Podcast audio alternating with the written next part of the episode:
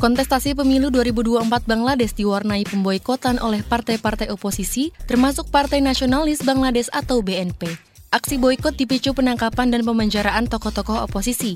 Bahkan pemerintah Bangladesh memperketat keamanan di ibu kota Dhaka sebelum penyelenggaraan pemilu pada 7 Januari 2024. Sebelumnya, sekelompok pelapor khusus PBB khawatir atas maraknya kriminalisasi yang ditujukan kepada jurnalis, aktivis HAM, dan para tokoh masyarakat. Teror hukum terhadap warga sipil seperti ini dinilai bakal mengurangi independensi peradilan, mengikis HAM, dan menghapus kredibilitas pemilu.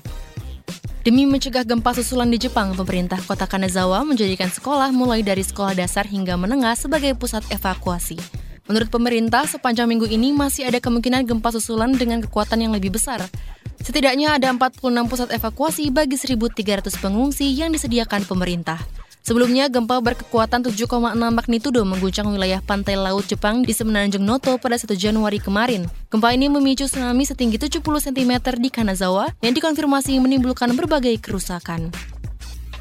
Pergantian tahun baru 2024 jadi momen Ratu Denmark Margarete II menyatakan dirinya bakal turun dari tahta yang didudukinya selama 52 tahun. Hal ini disampaikan Sang Ratu saat sambutan pergantian tahun baru 2023 ke 2024 di Istana Christianborg di Copenhagen.